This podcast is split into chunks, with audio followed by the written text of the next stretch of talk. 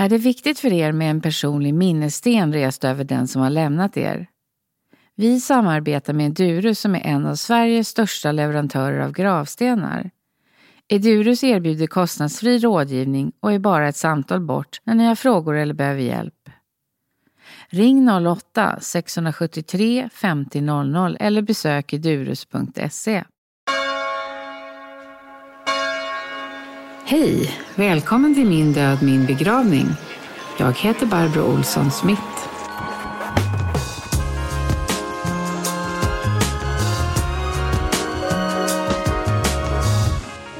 Välkommen hit Thea Malmegård, krögare. Mm, tack snälla.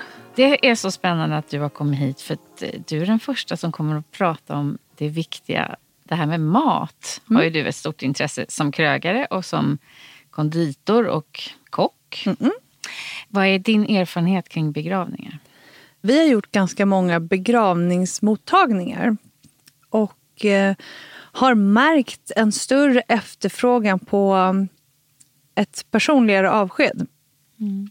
Så att det är inte längre det här... Jag ska säga så här, i den mån man orkar. Mm.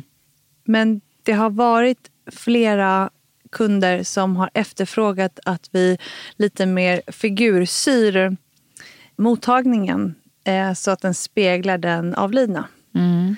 Och det tycker jag är ett väldigt fint sätt att hylla mm. någon. Även efter så att man känner att eh, att den här begravningsmottagningen faktiskt präglar den avlidna eller avlidne. Och det har varit ett väldigt fint eh, avsked och väldigt uppskattat. Det är inte så vanligt att man kanske kommunicerar så mycket med gästerna just över mat på begravningsmottagningar. har jag inte upplevt tidigare i alla fall. Mm.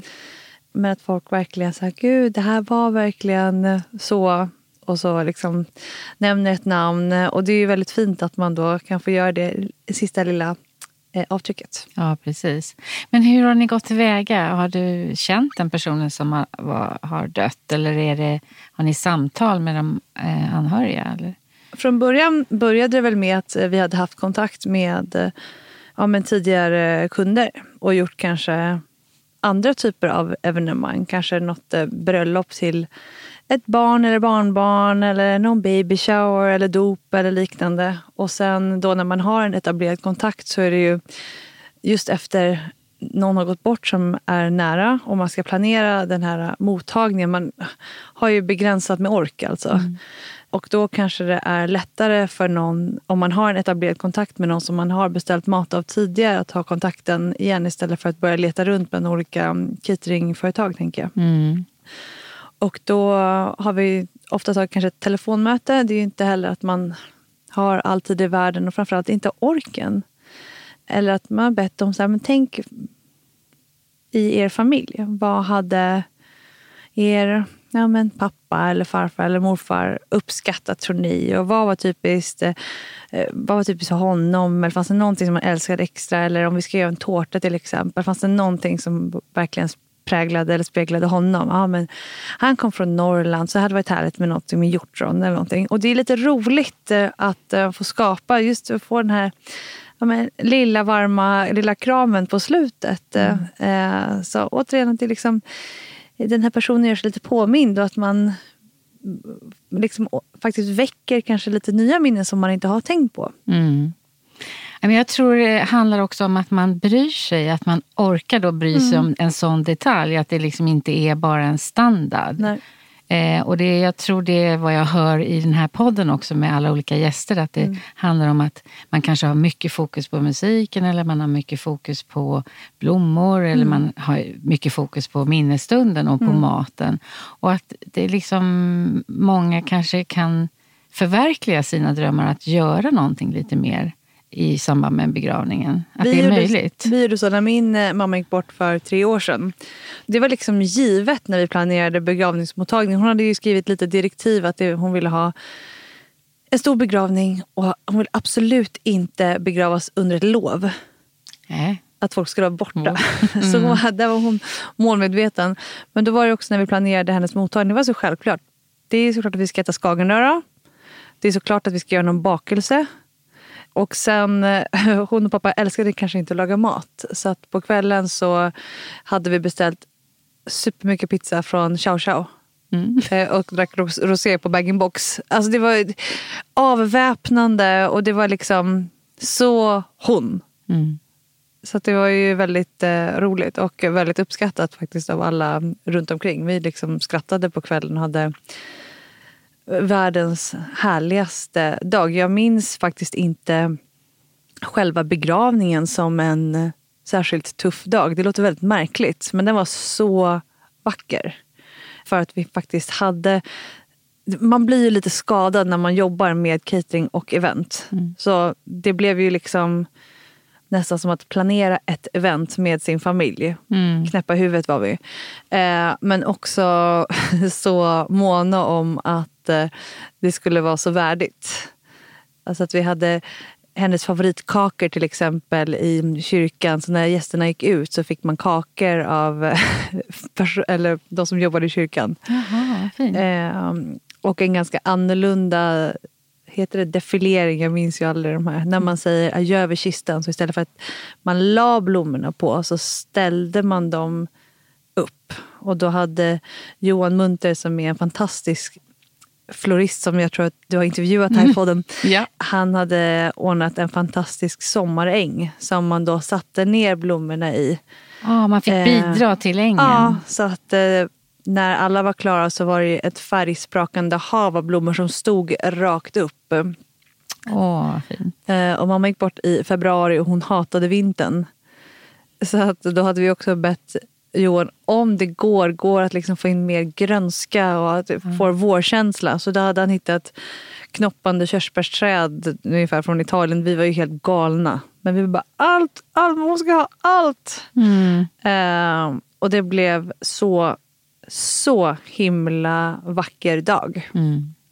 Och det måste varit skönt med alla, alla hejarop eller vad jag ska säga. Men allt, all feedback ni fick att alla märkte att ni hade gjort någonting speciellt. Ja, eh, och det var ju, vi är en väldigt social familj. Så det var många av våra vänner. Alltså, jag har två äldre systrar som är fem och tio år äldre. Så vi har alltid haft ett spann med människor hemma i vår lägenhet. Och det var väldigt alltid välkomnande. De ville hellre att vi skulle vara hos oss än någon annanstans. Mm.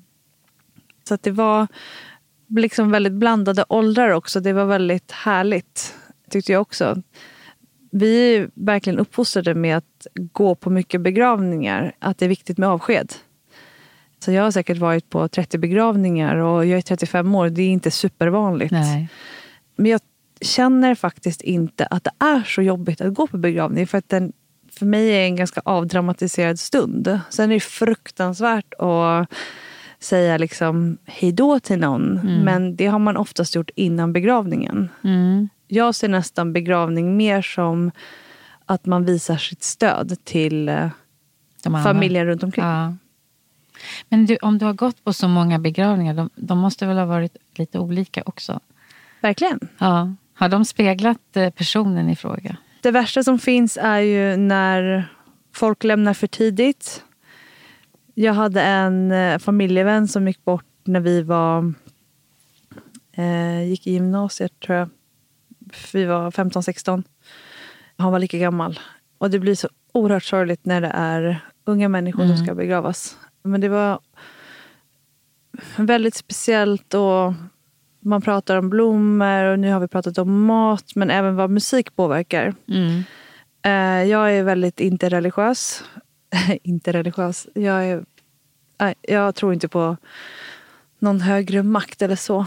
Och jag tycker att det är lite jobbigt när det blir för mycket salmer helt enkelt. Men när man drar in lite modern musik som då är någons för detta favoritlåt eller mm. sådär. Det tycker jag är oerhört känslosamt. Och då framförallt när det varit liksom samtida musik eftersom vi var så unga då. Ja. då jag kan liksom ibland kanske inte lyssna på vissa låtar för att jag blir så himla emotionell av det. För de är förknippade med ja, de begravningarna? Ja, och det är liksom sorgligt men fint. Men det är, det är härligt att liksom ibland släppa på känslorna och sådär. Och då kanske man lyssnar på dem. Men om det kommer vid fel tillfälle då kan jag bli väldigt så här, jag måste byta låt. Mm. Så det är nog eh, för mig den största skillnaden att eh, det blir så tydligt att ett liv har tagit slut alldeles för tidigt eh, på stämningen i kyrkan. Mm. Det är så ofantligt sorgligt liksom, att se föräldrar begrava sina barn mm. som fortfarande är barn. Mm. Det är den största skillnaden. Sen tycker jag liksom när till exempel mormor gick bort eller äldre människor då är det ju väldigt mycket lättare att hylla livet. Mm. Och allt den här människan har fått se och gjort och liksom vuxna barn, barnbarn, kanske till och med barnbarnsbarn. Så att det blir inte lika sorgligt tycker jag. Hylla livet som ja. du ja. Sen ja, alltid när folk drar av sjukdom, det är väldigt mycket varför, varför, varför. Och det är ju så som det är. Det är mm. sådana frågor vi ställer oss.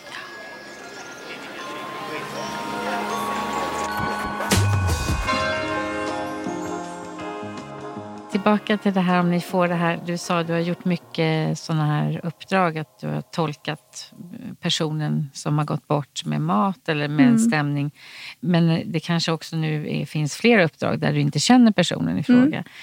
Det är lite intressant vad man har för diskussioner då. Hur, hur mycket man behöver läsa på. Ja, det är inte så mycket att läsa på. Jag försöker liksom känna av lite mm. stämningen och orken bland familjen. Ja. Och ibland så kanske de har kontaktat en för att de har hört via någon annan. Och då behöver det inte alltid vara så här, ah, men nu ska vi göra en temabegravning. Det är ju inte det det handlar Nej. om. Utan det kan vara så här, ah, du gjorde så fint för den här mm. och vår pappa gillade det här. Mm. Skulle du gå och fixa chokladtårta som hade inslag av vinterhallon eller mm. hösthallon för det älskade han. Mm. Och det är så himla lätt att lösa för oss. Men det är också ett önskemål, eller önskemål som jag aldrig har um, känt av tidigare på samma sätt. Men att begravningen kanske får ta lite större plats. Ja. Och att uh, folk, jag ska inte säga anstränger sig. Återigen, jag tycker att det är så upp till uh, ja. var och en hur man väljer att uh, lägga sin ork. Men fler och fler av det jag har att jämföra med lägger väldigt mycket mer energi. Men är det inte också att man vågar göra det på ett sätt? Att det liksom öppnar upp att man kan, man kan göra mer kring en begravning om man orkar.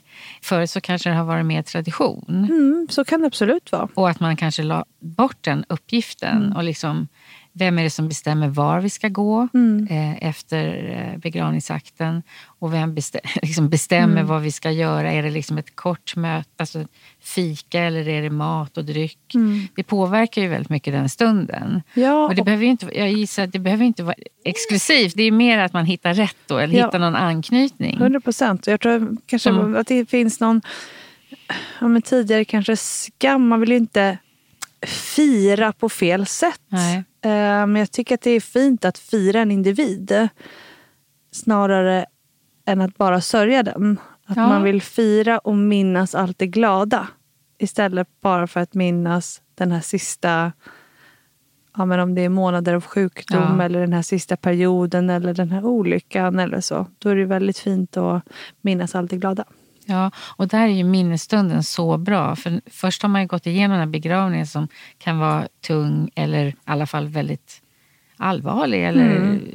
liksom lugn. Mm. Så får man en chans att liksom kanske prata med någon annan mm. på minnesstunden och det lättar upp lite och du får hjälp. Och du, får lite, du behöver ju någonting att äta egentligen ja. efteråt för du kan ju vara helt slut. Ja, 100%. Så att man, jag, tror, jag tror inte, man kanske inte ens förstår vilken vikt den har att man får vara tillsammans på ett lite annat sätt mm. efteråt. Och som du säger, se det som att man verkligen hyllar den som har levt. Mm. Och det tycker jag var det, liksom, det finaste. Jag vet att vi startade någon mejladress för att det sa vi också eftersom det var många som kom att man orkar ju inte riktigt prata med alla. Nej, inte då kanske. Nej, Nej, och jag fick ett sms på morgonen av en gammal vän som jag inte har så mycket kontakt med. Och så skrev hon bara, ah, jag vet vad det är för dag idag, såg i tidningen, jag tänker på dig. Om jag får ge dig ett tips. Köp en gästbok ah. eh, innan begravningen så att ni bara kan skicka folk dit om ni inte orkar prata med dem. För du kommer inte orka prata med alla. Så vi gick förbi Bookbinders och köpte en gästbok och så satte vi ner den på begravningen. Och det var väldigt fint att läsa efteråt. Ja. Kanske två veckor efteråt när mm. man hade fått lite distans till det hela. Mm. Men var ni hemma på er minnesstund med mamma? Nej, Nej. vi var eh, på en närliggande. Hon begravdes i eh, Hedvig Eleonora där mamma och pappa hade gift sig. Mm. Eh, så vi var på en närliggande lokal mm. som var gångavstånd därifrån.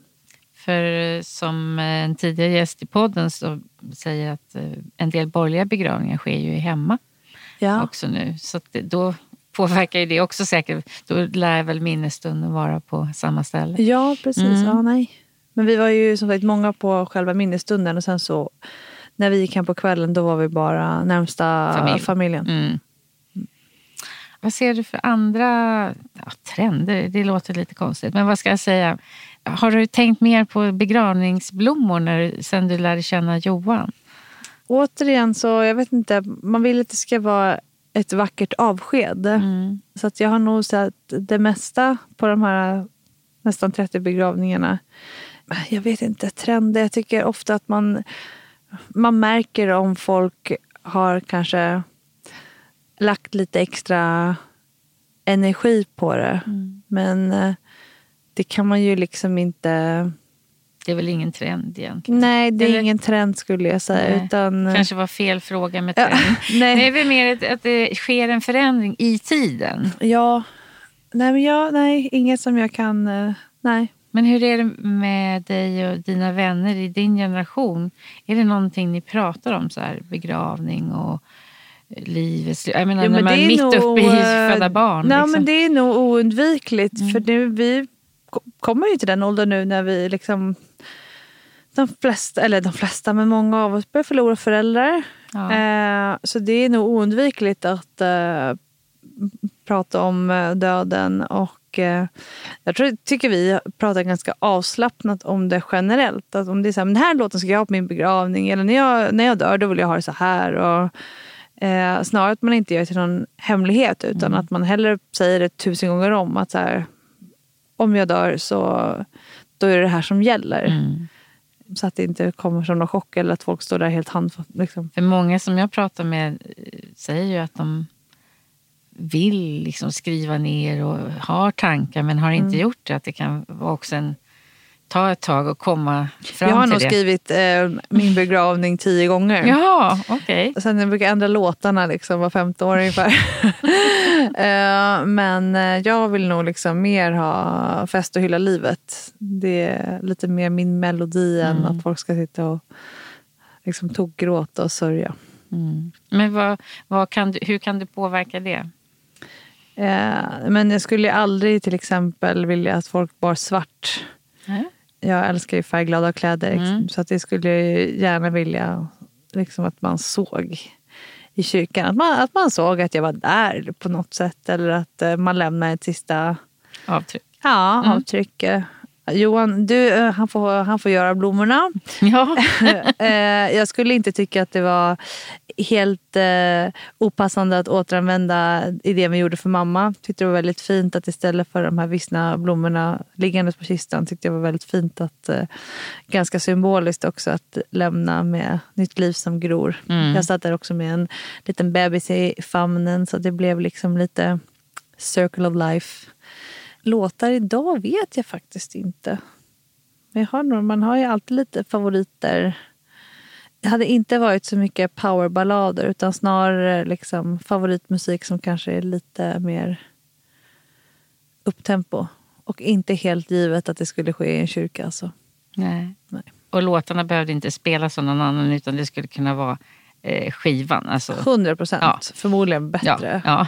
Vi hade gospelkör på mammas. Det var härligt på 80-tals eh, dängor. Oh. Det var jättehärligt faktiskt. Eh, men eh, jag vet inte. Alltså om Robin hade velat komma och spela live så hade det varit okej. Okay. eh, men jag skulle nog vilja liksom ha någon låt som kanske är, ja, men är typ min och min eh, sambos låt som vi har varit tillsammans i 15 år. Alltså som är liksom mycket för vår relation och sen kanske någon annan som är lite mer för mina vänner och kanske något för min familj. Ja. Men ganska psalmfritt. Ja. Du kanske måste ha en borgerlig begravning då? Ja, det För i, i kyrkan när man har begravning så ska det ingå visst många psalmer. Visst va, visst va. Nej, ja. så, nej det blir nog borgerligt i sådana fall.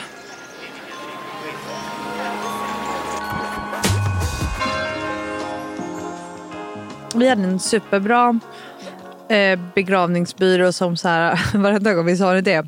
Oj! Ja, men det går säkert att lösa. De var jätte, jättehjälpsamma mm. eh, och tyckte liksom ingenting. Den där frågan har vi aldrig fått förut.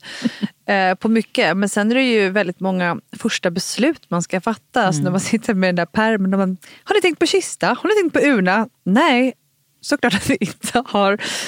Det här inte hänt någon liksom, i vår närmsta krets. Så det är Nej. helt bisarrt att sitta med liksom en perm och bara bläddra bland de här kisterna. Det tyckte jag det var ju fruktansvärt. Eller när vi satt på begravningsbyrån där och satt och lyssnade igenom vilka låtar vi skulle ha. Och vissa var så här, man satte på liksom första tre tonerna så satt alla vi fyra och... Ja. och eh, när vi då bestämde var jag säga, men det är självklart. Alltså det, var, det gick väldigt snabbt och vi var väldigt synkade. Ja, det är ju skönt. Uh, och det är jag enormt liksom, tacksam för eftersom jag förstår att det inte alltid jämt är läget. Men vi är så nära familj så att det, mm. man visste ju vad som var mamma och inte. Ja. Jo, men jag tänkte en annan sak. Du sa att du, du har valt ut låtar men sen att du uppdaterar dem när det kanske gått några år för mm. du kanske kommer på några andra bra låtar. Men mm. det, det vore så roligt om du vill tipsa om några låtar som... Ja, vi har en spellista, begravningsspellista där alla våra gäster kan ja, tipsa om lite musik de tycker om kring begravningar. Ja, kring begravningar ja. också. Nej, men jag... Det behöver inte vara din egen utan Nej. det är mera... Eh, så att vi har en jättespännande lista med olika, helt olika musik. Ja men vad spännande. Mm. Ja, men, eh, mamma på hade vi Don't let the sun go down on me med George Michael och Elton John. Ja. Den är ju väldigt så här pampig 80-tals... Mm. Uh, inte så balladig, den är ju liksom, den har, den har punch. Mm. Och de hade också Bridge over troubled water. Det var liksom mamma och pappas låt. Den känns ganska begravningsvänlig. Mm. Hade vi mer? Jo, vi orgelorganisten. Vad heter de? Organisten. Organisten. Han spelade introt på Skärgårdsdoktorn. Eh, för det känns mm. väldigt... Det var, det var liksom en tid i livet, jag tror att när alla bodde hemma fortfarande det var så himla förknippat med barndomen. Eh, och vi att tycker att det är en vacker melodi. Exakt. Ja. Men sen sa vi också att så här, han har fria händer. Fortsatt efter det. Och han tog sig fria händer kan man säga. Han hade ju typ orgelkonsert i två minuter och vi satt och höll varandra och bara, vad händer? Han var så här, känd i Stockholm, bra på orgel. Men han, han körde verkligen loss och det var verkligen så här högt, lågt, skränigt. Eh, ja, han fick feeling. Ja. Eh, så vi satt ju till slut och bara alltså vi satt ju asskrattade och bara det där var så sjukt. Han kanske tog chansen. Han tog chansen. Han, han kände att nu, har jag, nu har jag momentum här. Men det är en sån detalj som man minns tillbaks och skrattar åt. Mm. Alltså det hade inte varit roligt om den var helt perfekt. Det är som när ett barn börjar skrika på en begravning eller får skrattanfall. Eller... Skriker på dopet.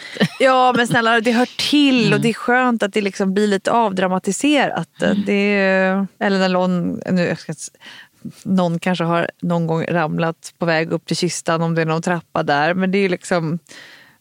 Det är, det är bara att skratta åt. Det är, liksom, det är livet, det är sånt ja. som händer.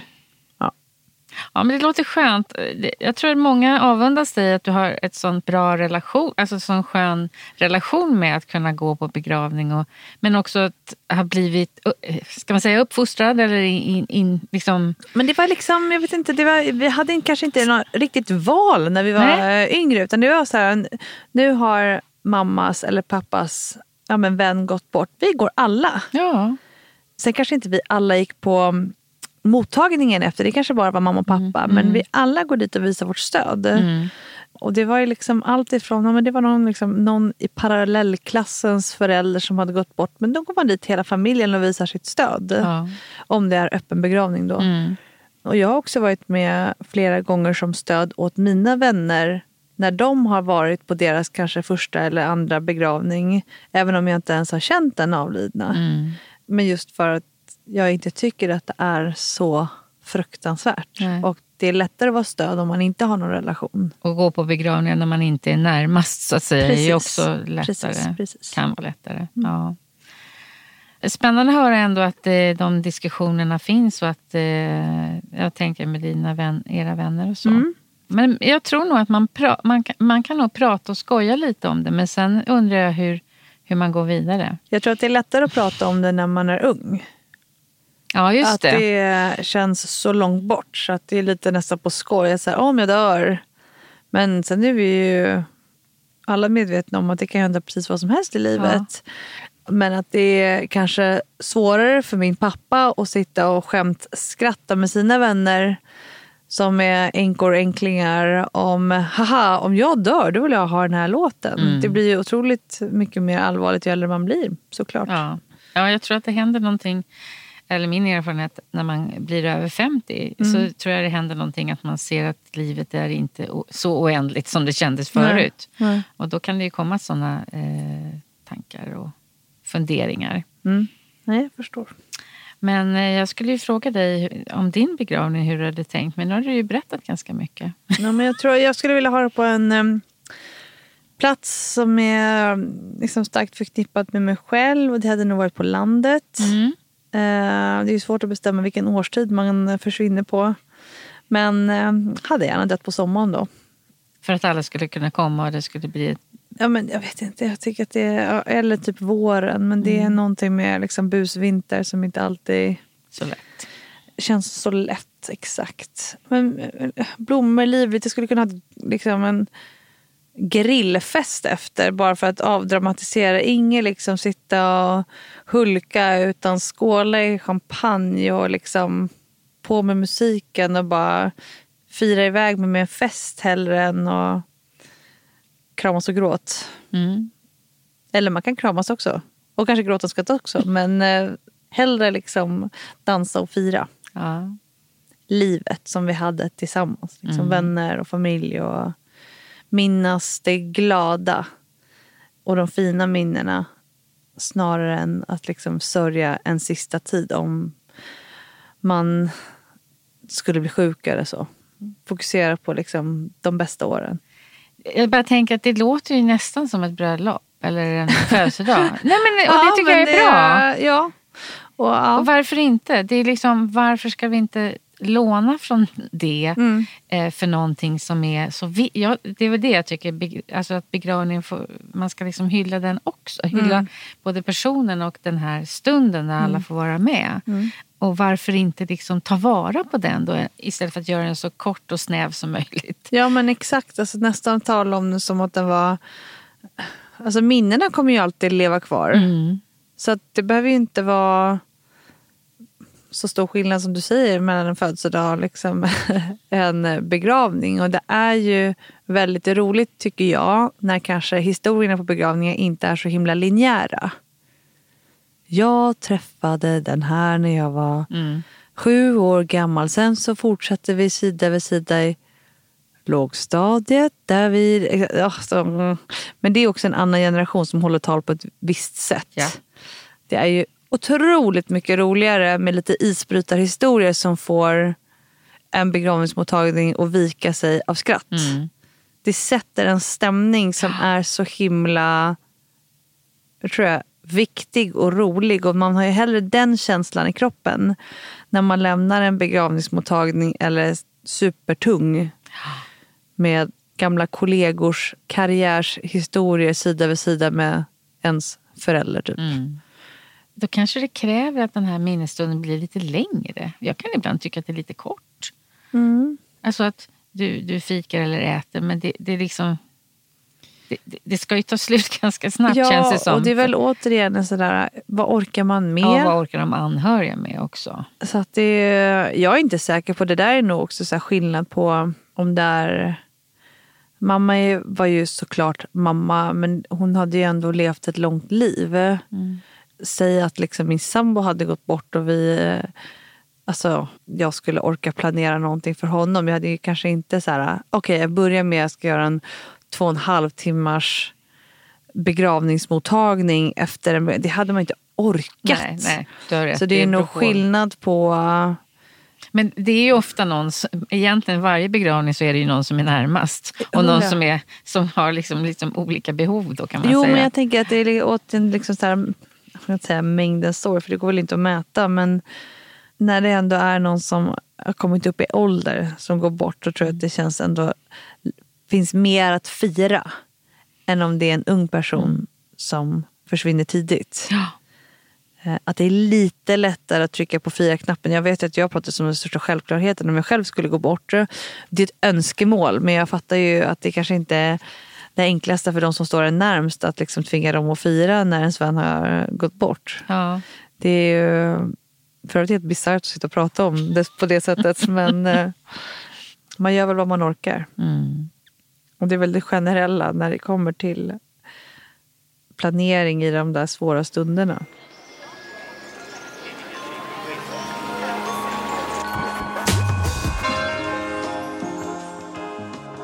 Tillbaka till maten. Eh, tycker du att det är annorlunda att göra mat till en begravning än att göra det till en, ett event eller en födelsedag? Nej, jag försöker eller? inte tänka på det på något Nej. annat sätt. Nej.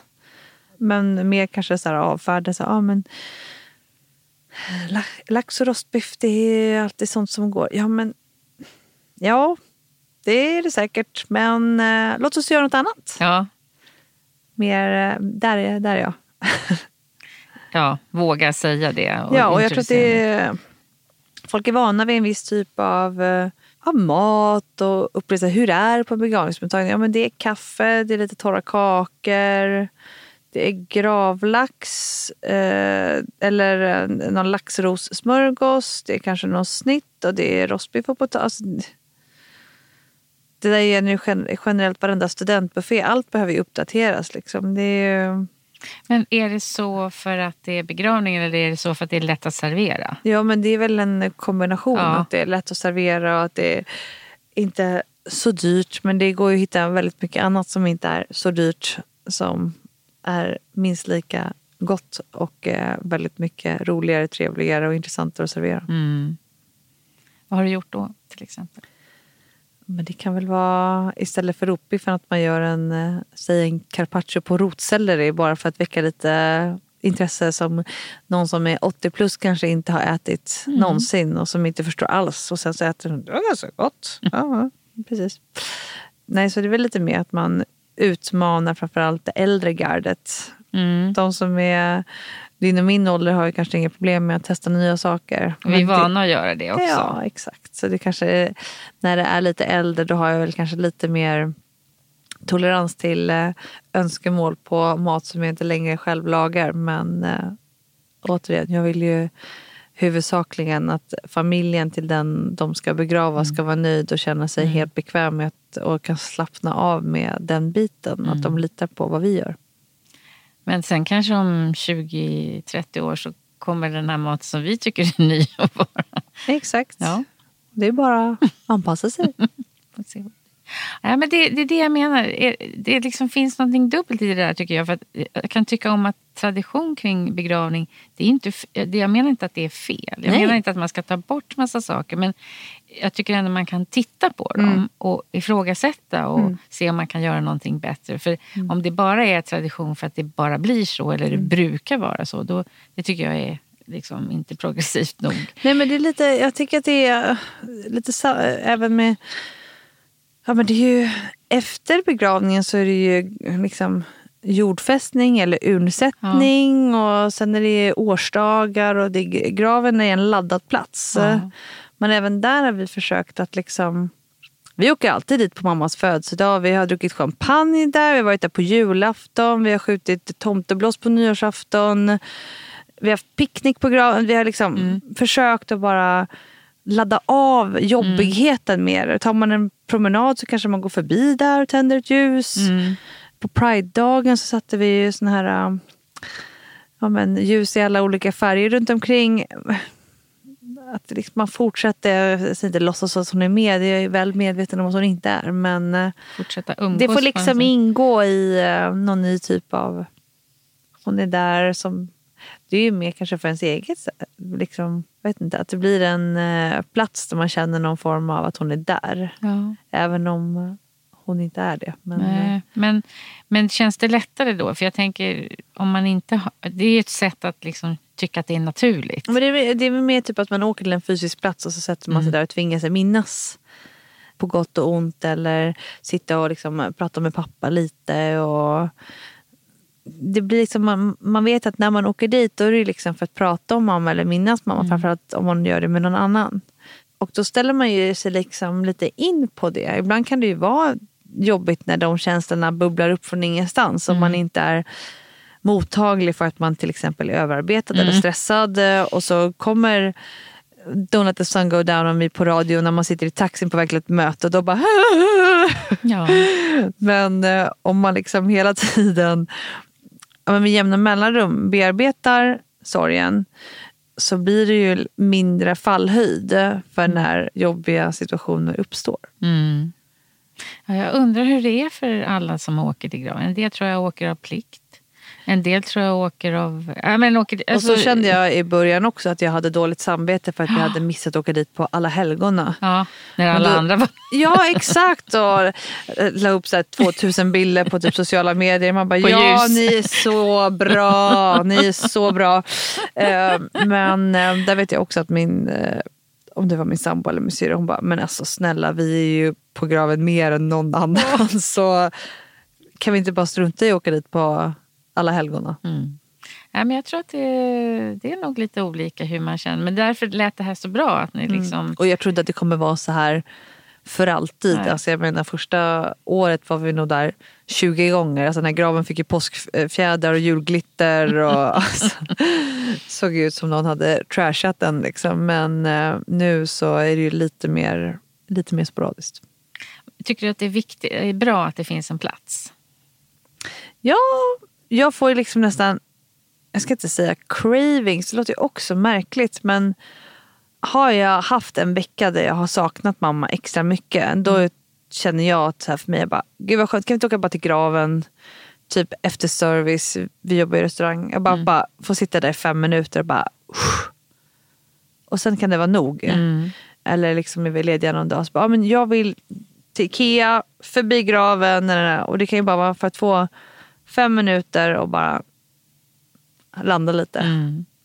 Ja, för mig själv tror jag är det nog mer så att en, en låt, liksom, jag hör en låt och mm. då blir jag påmind och eh, stämningen, det händer saker i kroppen. Ja, och det är än, tillräckligt. Det än liksom... att åka till, just till en grav eller en minneslund. Men det beror väl lite på. Whatever works. Ja, och sen det är också intressant om ni gör det väldigt mycket gemensamt. Det handlar mm. ju också om att ni måste vara en familj som gillar att göra saker mm. gemensamt. Jo, det... det är inte alla som går till graven i grupp. Nej, och det gör vi inte alltid heller. Men Nej. det är oftast i olika konstellationer. Ja. Och det är bara det har bara blivit så. Ja, så det där med, men eh, musik och doftminnen är ju sådär väldigt starka. Mm.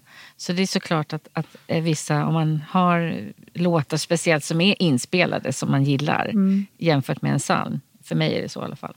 Är det den låten, så när man hör den så kommer man tillbaka till begravningen eller mm. till känslan. Mm. Roligt att du sa doft. Jag tappade ju doft och smak. Ja. Eh, du får efter berätta. Eh, covid. Så jag har som en referens på liksom, hur mycket jag fått tillbaka. Då har jag mammas gamla hudlotion eh, och hennes gamla parfym. Okay. Eh, så varje gång jag går förbi liksom, jag säger, ja men idag är en bra dag. Jaha, det skiftar? Ja, det gör det absolut. Men jag har fortfarande inte, jag har inte kommit tillbaka helt och hållet. Men det har blivit avsevärt mycket bättre. Så till exempel på flygplatsen igår så var jag så här, sprutade mammas parfym och jag bara, nej det luktar inte mamma Så det, liksom, det har ju fortfarande jättemycket som ska komma tillbaka. Och nu ska man ju veta att du jobbar med mat. Ja, precis. Den så hur har det fungerat då? Eh, det har varit en annan typ av sorg. Ja. Nej, men det, jag är i regel en ganska positiv människa. Så att jag försöker att inte fokusera på det som är eh, negativt. Det är ju att förlora ungefär det som är det viktigaste verktyget i ett yrke. Så att det är klart att det har varit väldigt störigt. Men med det sagt så är jag ganska glad över att jag tidigt har breddat min karriär. Så att jag jobbar ju med tv och med poddar och skrivit kokbok kurser och diverse andra grejer också. Så att Doma och Bar Doma, mina ställen, mm. de går ju inte under om inte jag står och jobbar service och smakar på varenda grej som går ut på varenda tallrik varje dag i veckan. Utan vi är ett så liksom starkt team som jag litar på till fullo. Så att eh, de grejer där utan att jag smakar av såser och har gjort det de senaste två åren. Två år? Mm. Oj, Mars 2020. Var det, så, var det så länge sedan det blev så? Visst va. Visst va.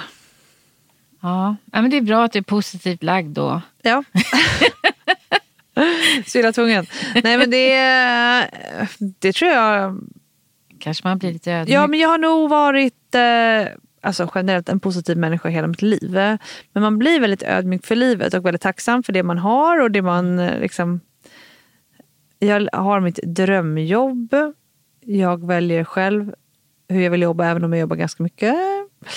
Jag har liksom många vänner, jag har en jättefin familj och även om det kommer liksom djupa sorgmoment så som att förlora sin mamma så har jag väldigt, väldigt mycket att vara glad för. Mm.